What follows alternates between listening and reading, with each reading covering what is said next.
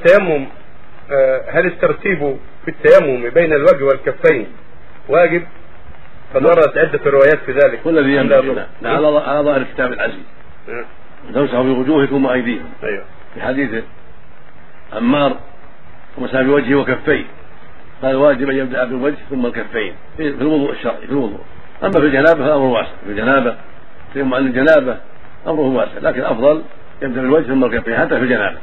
أما في الوضوء فالواجب يبدا بالوجه لأن هذا هو المنصوص في كتاب الله وهو الذي جاء في بعض الروايات فتفسر الروايات بعضها بعضا وتحمل الروايات على ما دل عليه كتاب الله وقد قال الرسول صلى الله عليه وسلم نبدأ بما بدأ الله به قاله في الصلاه والمروة.